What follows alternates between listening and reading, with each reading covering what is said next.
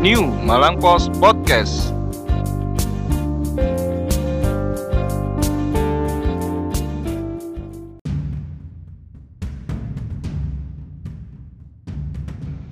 pendengar podcast New Malang Post. Siang hari ini kita kedatangan pimpinan DPRD Kota Malang yang berkenan hadir di rumah kita di New Malang Post.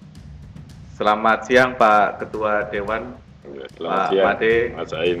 Pak Wakil Ketua Dewan Abah Durrahman. Selamat siang, Assalamualaikum. Waalaikumsalam warahmatullahi wabarakatuh. Assalamualaikum Pak Rinza yang juga sudah hadir di tengah-tengah kita. Waalaikumsalam, selamat siang. Alhamdulillah di tengah kepadatan tugas beliau bisa menyempatkan hadir di rumah kita New Malang Pos untuk singgah berdiskusi terkait dengan tugas kedinasan, tugas tupoksi dari anggota dewan.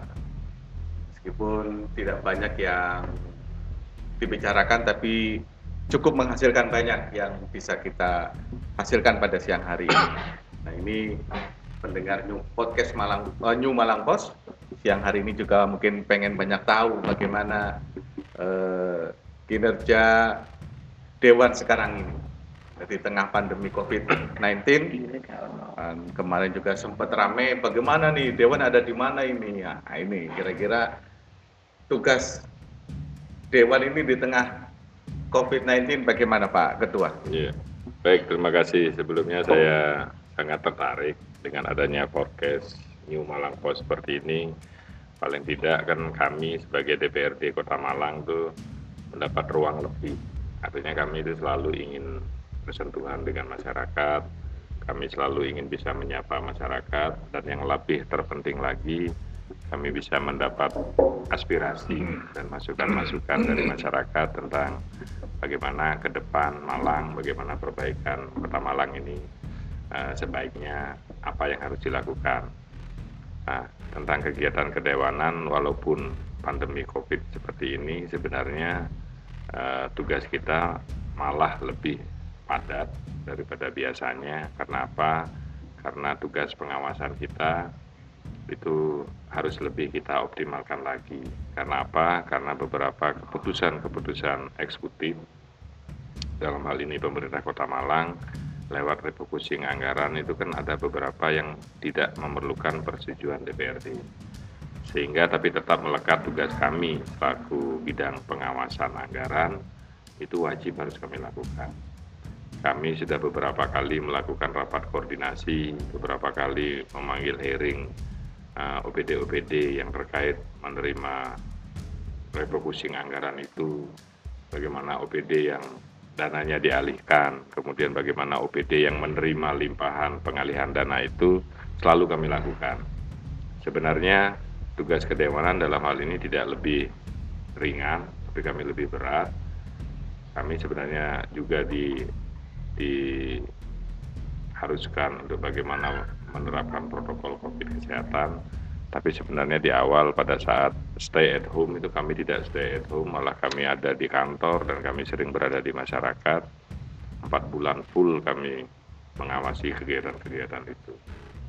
Jadi produktivitas kami tetap tidak menurun, malah uh, hari ini bulan Juli ini kami sudah menyelesaikan Mei ya, eh mulai Juni, Juni kami sudah menyelesaikan dua ranperda. Yang pertama adalah ranperda tentang LKPJ dan yang kedua ranperda tentang perda perda ranperda pertanggungjawaban.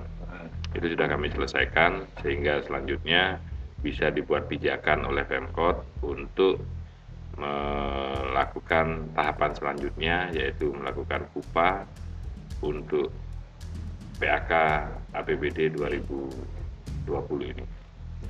Pak Ketua, ini kan kalau di banyak aspirasi dari masyarakat terkait dengan COVID, Ya. ada pengalihan anggaran, ada bantuan. Nah, nanti fungsi Dewan ini bagaimana dalam pengawasan anggaran yang sudah dikucurkan kepada masyarakat, khususnya bantuan-bantuan sosial, Pak Ketua. Iya, kami tetap lewat Komisi D, terutama kami hampir sebulan itu tiga kali kami menghiring dinas sosial terkait dengan anggaran yang dikucurkan untuk bantuan sosial. Malah ada kemarin kami pun DPRD mengalihkan anggaran kami, anggaran reses kami uh, itu untuk ban bansos ke masyarakat dan kemarin untuk reses pertama itu kami sudah mengalihkan dan bisa dinikmati oleh masyarakat sebanyak 1.600 1.700 di reses awal pertama. Kemudian reses kedua ini ada 1.700 lagi dan sudah kami bagikan kepada masyarakat. Kepada masyarakat. Itu bantuan yang 300 ribu itu Pak? Iya, yang 300 ribu selama tiga bulan. Selama tiga bulan. Iya. Berarti satu bulannya 300 Pak Ketua ya? Iya, satu bulannya satu 300. Bulan 300 ya, ya. nanti sekiranya tiga bulan 300. nah ini, iya. nah Ambadur ini gimana di Blimbing Ambadur ini?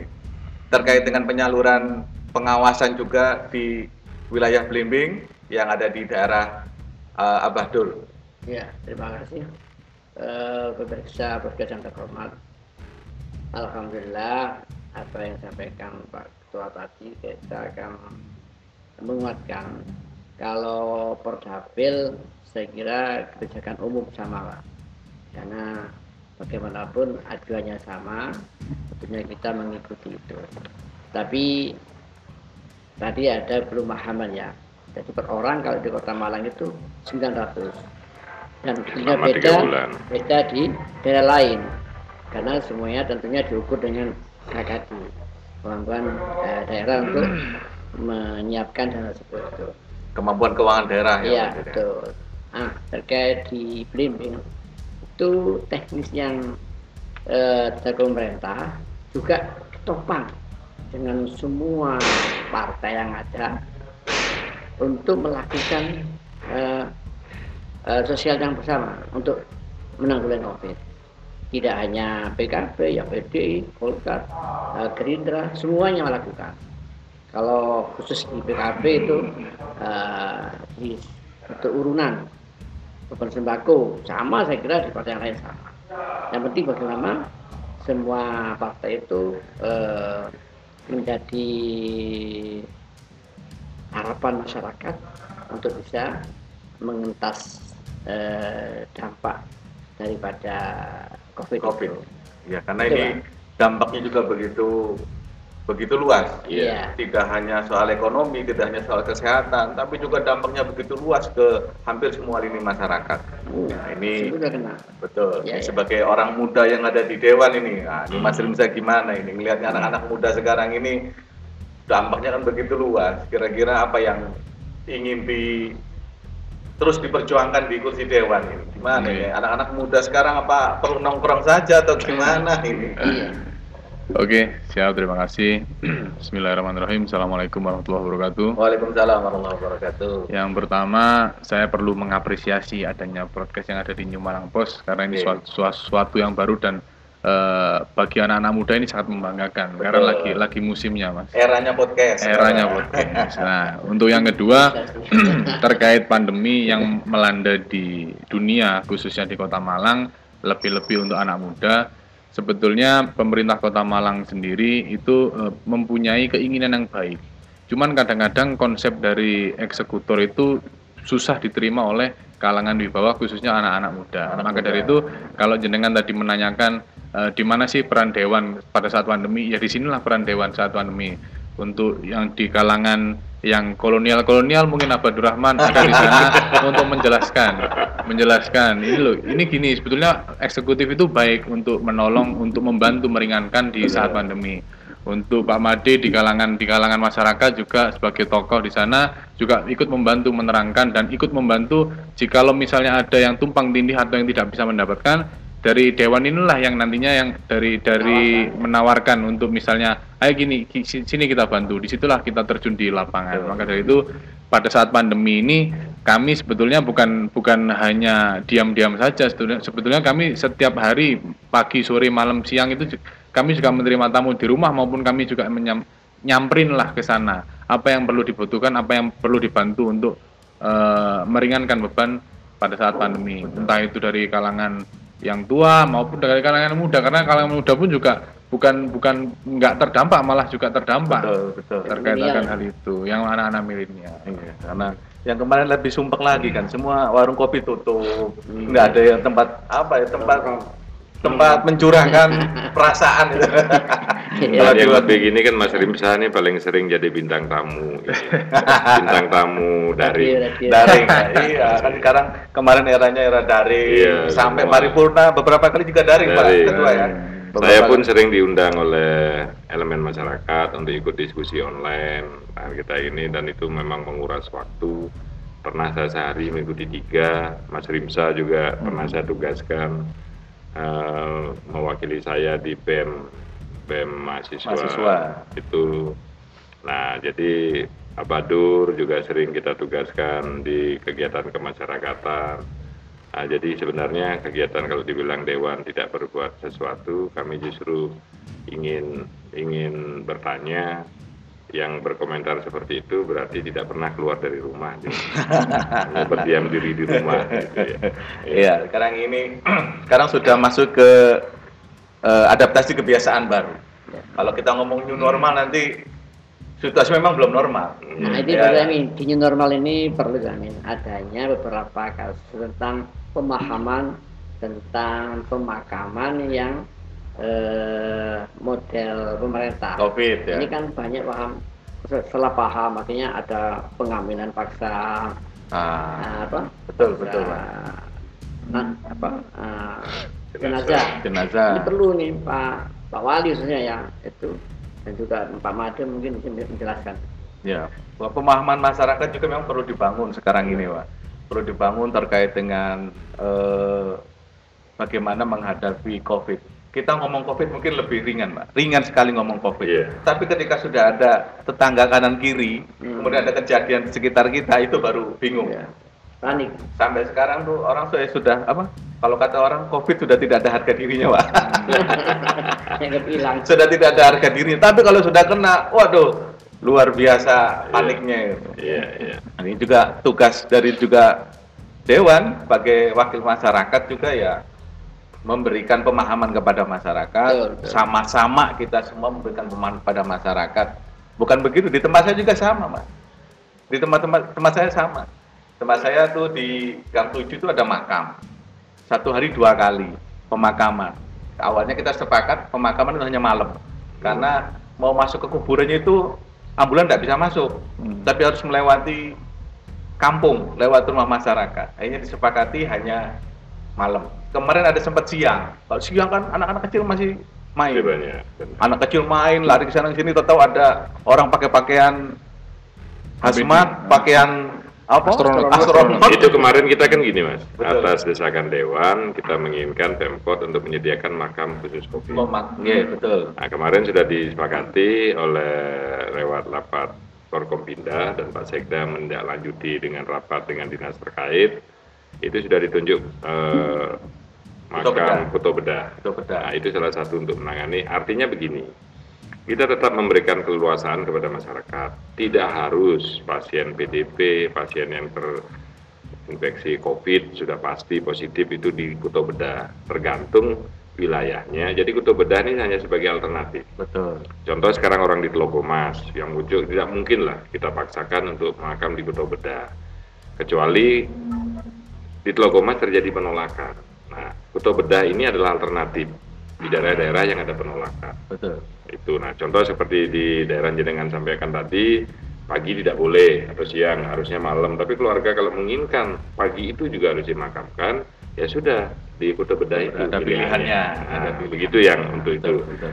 Dan yang terpenting sekarang adalah tugas dewan itu sebenarnya bagaimana kehidupan jalan terus, Betul, betul. bagaimana perekonomian jalan terus. Nah, salah satunya Pak Jokowi sudah menyampaikan, keluarkan dana pemerintah untuk menggerakkan perekonomian. Kalau berharap dari swasta, investasi swasta sekarang masih belum mungkin. Karena yang sekarang yang hanya punya duit hanya Ah, pemerintah. hanya pemerintah. Kita ada 742 miliar silva. Silva ya. Itu harus dikucurkan di PAK besok. Itu uang semua itu, Pak ya. Uang semua. Saya juga belum pernah lihat uang segitu. Saya baru lihat angkanya saja. Itu 740 nanti dimasukin ke silpa itu ya. 742 miliar silpanya. Sudah Silpa. silpa itu. Ini harus diserap di PAK. PAK. Nah, kita sudah buat di PAK. Nah, tentu saja ini kan karena ada silpa APBD 2019 745 ini diuntungkan juga karena apa?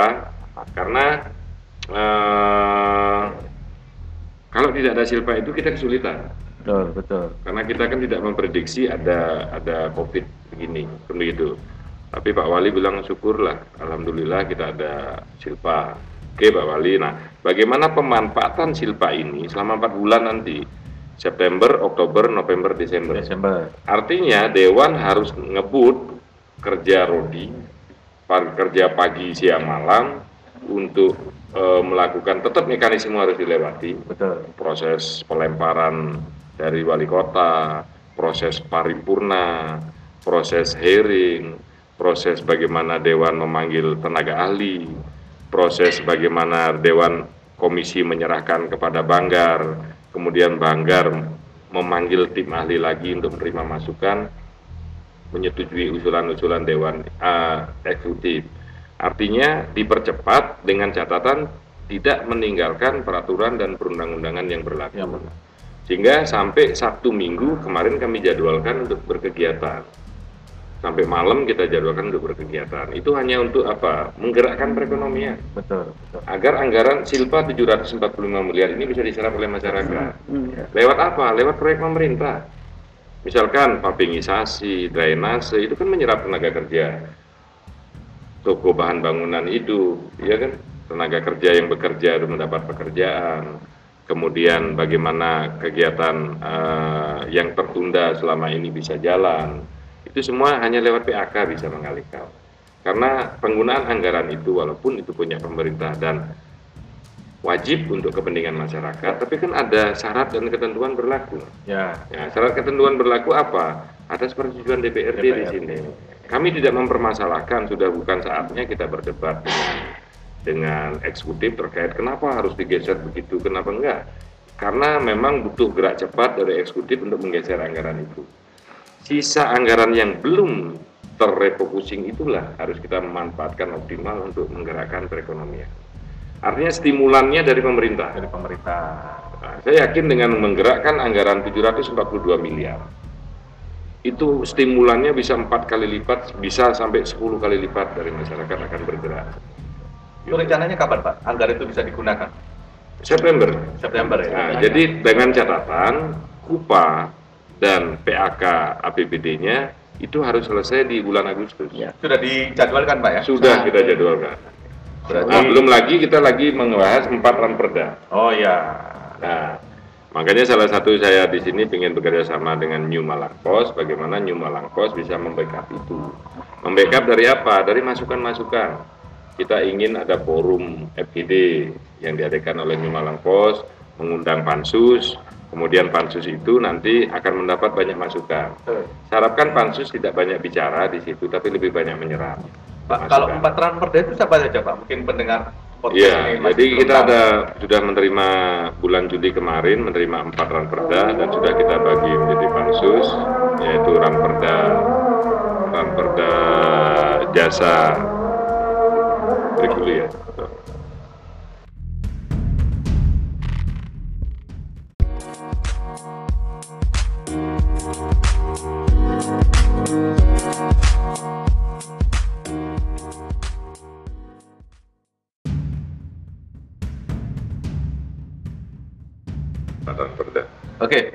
Pak Ketua, empat perda tadi mungkin bisa disebutkan. Jadi empat ranperda itu yang pertama ranperda tentang jasa usaha umum, kemudian dua, yang ranperda kedua itu tentang jasa usaha, yang ketiga tentang pengelolaan sampah, yang keempat tentang kepemudaan. Nah, kenapa kami minta yang jasa usaha itu bagian dari peningkatan BAD, pengelolaan sampah bagian dari meningkatkan eh, kesehatan di Kota Malang supaya pengelolaan sampah bisa bagus, kepemudaan zamannya milenial. Oh iya, Ini sekarang zamannya memang. Mas Rimsa nih yang usul Iya. untuk kepemudaan digarap Iya. dan itu ternyata KNPI, organisasi kepemudaan Karang Taruna sangat senang mendukung. sangat mendukung dengan baru kali ini kepemudaan dibuatkan Betul. perda. Anak muda sebenarnya potensi sangat luar biasa. Iya benar. Tapi sering kali tidak tersentuh. Benar. Hmm, Seringkali tidak tersentuh. Ini gimana Mas Rin bisa melihat ini? Anak-anak muda banyak potensinya tapi tidak tersentuh oleh aturan, tidak tersentuh oleh anggaran itu yang paling penting. Hmm, gitu. Oke mas, terima kasih Alhamdulillahirrahmanirrahim. Yang pertama kita harus ucapkan terima kasih kepada Pak Ketua yang sudah eh, dan Pak Eksekutif yang sudah mau eh, mengurus tentang perda kepemudaan. Kepemudaan. Karena banyak titipan ucapkan terima kasih. Oke, saya sampaikan di podcast yang baru ini. Lalu yang kedua karena karena apa? Karena sebetulnya eh, anak-anak muda khususnya Kota Malang yang bisa dinobatkan sebagai kota pelajar sebetulnya banyak anak muda yang ingin tampil tapi tidak punya landasannya di mana kita mau tampil, di mana kita mau beraksi. Nah, dengan adanya peran perda kepemudaan ini sebetulnya sangat membantu dan mereka sudah sampai sekarang mereka bahkan sudah membuat tuh grup-grup di WA tentang gugus juang perda kepemudaan. nah, ini yang biasa ya. semangatnya. Nah, di sini semangat ini kan sudah sudah sudah membara di Betul, sini. Nah, betul. sedangkan mereka juga apa yang mau mereka tawarkan? Yang mereka tawarkan pasti, loh, kalau misalnya saya mau di, mau menawarkan tentang misalnya kepemudaan ini apa, saya tidak bisa menawarkan masa lalu karena saya itu sangat minim minim, Minim pengalaman. masalah, ya. Nah, katanya gitu. Betul. Nah, terus apa yang mau yang sampean tawarkan? Saya mau mena- menawarkan tentang masa, Masa depan, depan. karena kita punya eh, konsep-konsep masa depan tentang eh, mengatur sebuah tata kelola di daerah daerah-daerah tertentu, Betul, khususnya Kota Malang. Betul. Nah, sungguh alhamdulillah eh, Perda Kepemudaan akan segera dibahas dan saya sangat apresiasi akan hal itu sebagai salah satu eh, eh, orang di parlemen yang juga masih bujang, yang juga bisa dihitung masih pemuda. Promosi. ini pengumuman ya. Sangat, sangat apresiasi akan uh, akan ran perda, ran perda yang akan dibahas tentang kepemudaan. Terima kasih saya ucapkan kepada Pak Ketua dan Pak Wali Kota yang sudah mau mengapresiasi tentang kepemudaan yang ada di Kota Malang. Jadi sebenarnya apresiasinya anak muda tuh begitu luar biasa. Iya benar. Begitu luar Dan itu kita kan sudah terbentuk pansus resmi di mana pansus jasa usaha umum itu diketuai oleh Pak Edi Wijanarko dari Komisi A, kemudian jasa usaha atau oleh Pak Lo Mahfud dari Komisi B, dan Komisi C membidangi tentang pengelolaan sampah itu Bapak Patol Arifin, betul. dan untuk kepemudaan dunia Amitia, Amitia ini juga termasuk milenial. Kak Mia, Kak Mia. Kak Mia, Ya. Kak Mia. Kalau saya panggil Bu, kemudahan. Kak Mia ini wakil dari milenial memang, jadi kita harapkan bisa lebih hidup lagi eh, karena memang nanti saya sudah sarankan DPRD Kota Malang sekarang ini milenialnya banyak. Betul. betul. banyak, hampir 30% milenial. Ya. Yang bujangan tiga orang. Kebetulan yang bujangan cowok-cowok ini, ganteng-ganteng lagi, tajir-tajir kolonial. Nah, jadi saya suruh godok dulu walaupun ada beberapa milenial yang tidak masuk di pansus karena tidak mungkin fraksi menugaskan semua milenialnya di di pansus kepemudaan. Kepemudaan. Jadi kita harapkan milenial dewan milenial ini kumpul dulu. Apa nih yang mau dikerjakan? Memberikan masukan kepada Bu Kak Mia, kepada Kak Media. Jadi Kak Media sebagai ketua hanya mengkoordinir aja. Begitu. Nah, jadi mateng nanti bagus di kepemudaan kita menginginkan Karang Taruna hidup atau konsep Karang Taruna dirubah, konsep KNPI-nya mau dirubah sesuai dengan perkembangan zaman. Karena bagi saya sih pemikirannya begini, Mas. Kalau kita tidak bisa mengikuti perkembangan zaman, maka kita akan digilas oleh zaman. Oleh zaman itu. Iya. Betul. Maksud saya, ayo diikuti. Jangan dipaksakan. Contoh kayak warnet. Usaha warnet sekarang siapa yang mau datangin? Wartel. Betul, betul. ya kan? Dulu berjaya di Dulu zamannya. berjaya di zamannya. Mikrolet, Betul. ojek konvensional Hmm. itu dulu berjaya sekarang. Ketinggalan kalau nggak bisa ngikutin. Betul. Nah, maksud saya begitu. Ayo kalau memang Karang Taruna ini dianggap namanya sudah nggak milenial, nggak kekinian, monggo diikuti sesuai dengan keinginan pemuda yang sekarang lah. Kita yang tua-tua ini hanya bisa mendorong Teduri Handayani saja. Duri Handayani. Ini apa Dur? Kalau Kalau setan Bapak Ketua, Iya. pinjam bahasa Bung Karno itu saya agak lupa itu. Oh, aduh. Datangkan. Oh, Ya, coba. berikan saya 10 10 pemuda anak muda ya. akan kuguncang dunia. Ya kan? Apa Dur ini kan terkait dengan retribusi. Takutnya masyarakat ini ketika ada pembahasan retribusi jasa umum, pikiran masyarakat ini bakal naik. Kira-kira masuk katanya bakal naik dalam situasi kayak ini. Dalam situasi kayak ada situ ada retribusi sampah misalnya, ada retribusi parkir. Nah, kira-kira seperti apa ran perda yang mau dibangun dalam retribusi eh, baik jasa umum ataupun jasa usaha. Ya, terima kasih Mas. Sebetulnya perda semuanya itu digagas dalam rangka untuk mensejahterakan masyarakat dan untuk pembangunan kota Malang ke depan.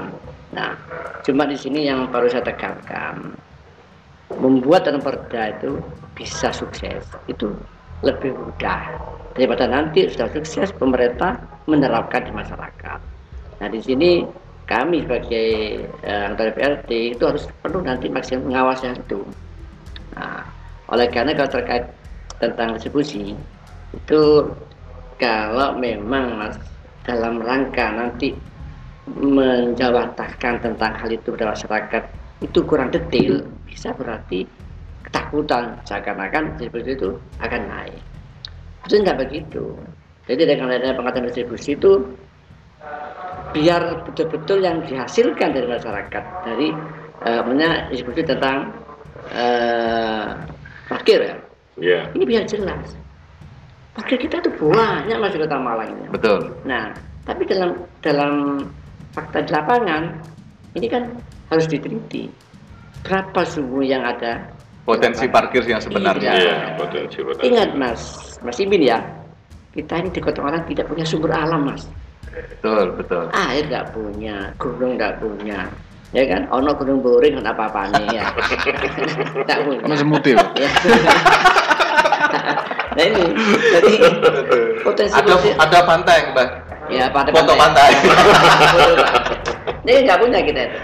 Jadi dengan hal begitu, pemerintah mengadakan uh, lamperda seperti itu, yaitu untuk di kota Malang, sehingga tidak mengandalkan uh, di biro wisata uh, apa alam yang ada, tapi betul-betul distribusi itu mohon masyarakat menyadari bahwa ini bukan untuk menjadikan beban masyarakat, tapi untuk pada Jawa itu dandani, biar uh, apa sportivitas masyarakat itu itu tinggi sekali. Sehingga kalau itu nanti tercapai, yang menikmati juga masyarakat. Ya Pak ya, insya Allah. Pak Ketua, ini kemarin kan KPK katanya sebenarnya sudah menghitung sebenarnya kan ada potensi sebenarnya PAD di Kota Malang itu sangat besar. Bahkan bisa mencapai sampai 3 triliun katanya. Katanya. katanya. Itu saja tahun kemarin saja dengan retribu, uh, PAD yang tidak sampai satu miliar 600. tidak bisa terpenuhi. Nah, kira-kira gimana melihat potensi dan realita yang ada? Iya, kalau kita melihat kan gini mas, makanya dari Mimpi itu boleh. infrastruktur kan harus disiapkan. Oh, betul. Salah satu infrastruktur untuk menaikkan PAD itu adalah aturan. Hmm. Letakkan semua permasalahan di atas meja. Lewat apa? Lewat aturannya. Pokoknya kalau aturan ini bagus dan diterapkan dengan baik, kemudian eh, masyarakat mau mematuhi, saya yakin PAD kita bisa naik.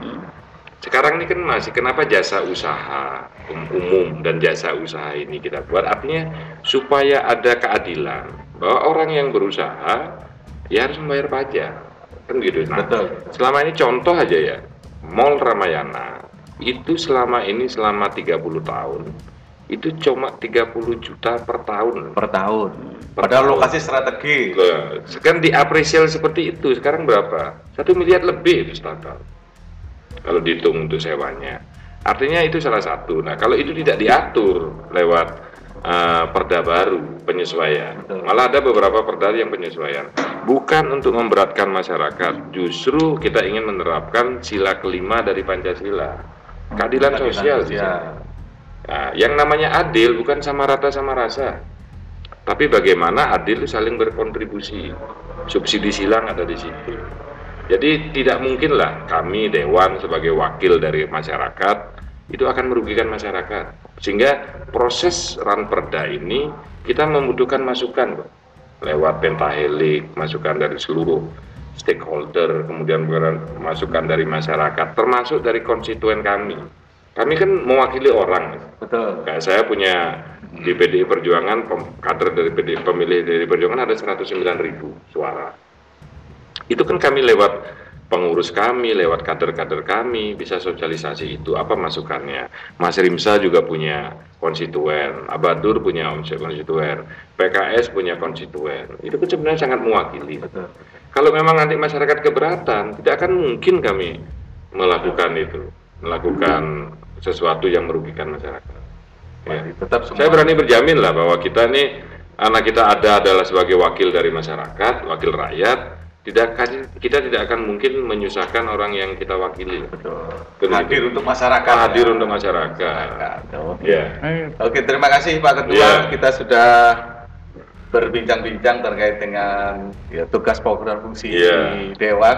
Jangan ini mas, jangan bosan-bosan ngundang kami. Oh siap. Kami senang Pak. bisa menyapa masyarakat. Siap. Ini Iya. sekarang kan zamannya zaman online, zaman Iya. streaming, Iya. kita buat podcast juga lebih banyak lagi mengenal kepada masyarakat. Jadi Betul. kita ada online-nya, ada podcastnya. Yang nggak biasa dengar, eh, nggak biasa ngelihat film, ngelihat gambar bisa dengarkan suara Iya. melalui podcast. Nah. Yang tidak biasa kehabisan kuota, kehabisan Iya. online bisa baca korannya. Iya. Nah, jadi Mantap. kita ambil semua di Iya. semua segmen. Mudah-mudahan ini bisa mengena di masyarakat juga Amin. semakin paham terkait dengan apa yang dilakukan oleh eh, Dewan khususnya Dewan. Mohon doanya kami supaya amanah saja. Ah, insya Allah. Iya. Ini juga sudah hampir mau satu tahun Pak Ketua ya. Hampir 24 Agustus besok persis Ya, kita sudah. terima. Iya, nanti kita edisi berikutnya lah. Iya, siap. Satu tahun kinerja DPRD Kota Malang. Iya. Episodenya nanti lebih, bagus mas. Oke, siap. siap, siap. Terima kasih Pak Ketua, Iya. Pak Wakil Ketua, Iya. Mas Rimza, Abadur yang sudah hadir di podcast New Malang Post. Mudah-mudahan semua pendengar New apa podcast New Malang Post juga semakin eh, teredukasi, lebih paham lagi, bisa mensosialisasikan kepada masyarakat yang Amin. lebih luas lagi. Amin. Terima kasih. Assalamualaikum warahmatullahi wabarakatuh. Waalaikumsalam warahmatullahi wabarakatuh. Rahayu.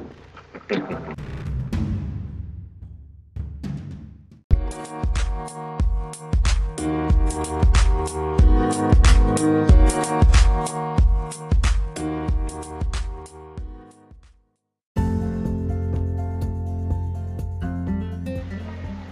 Imadi Riandiana Kartika, Ketua DPRD Kota Malang.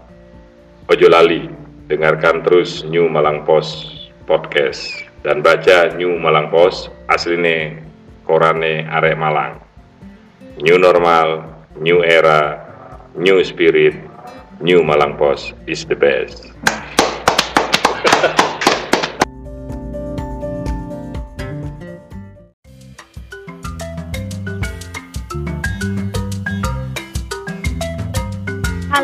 Halo nawak-nawak New Malang Post.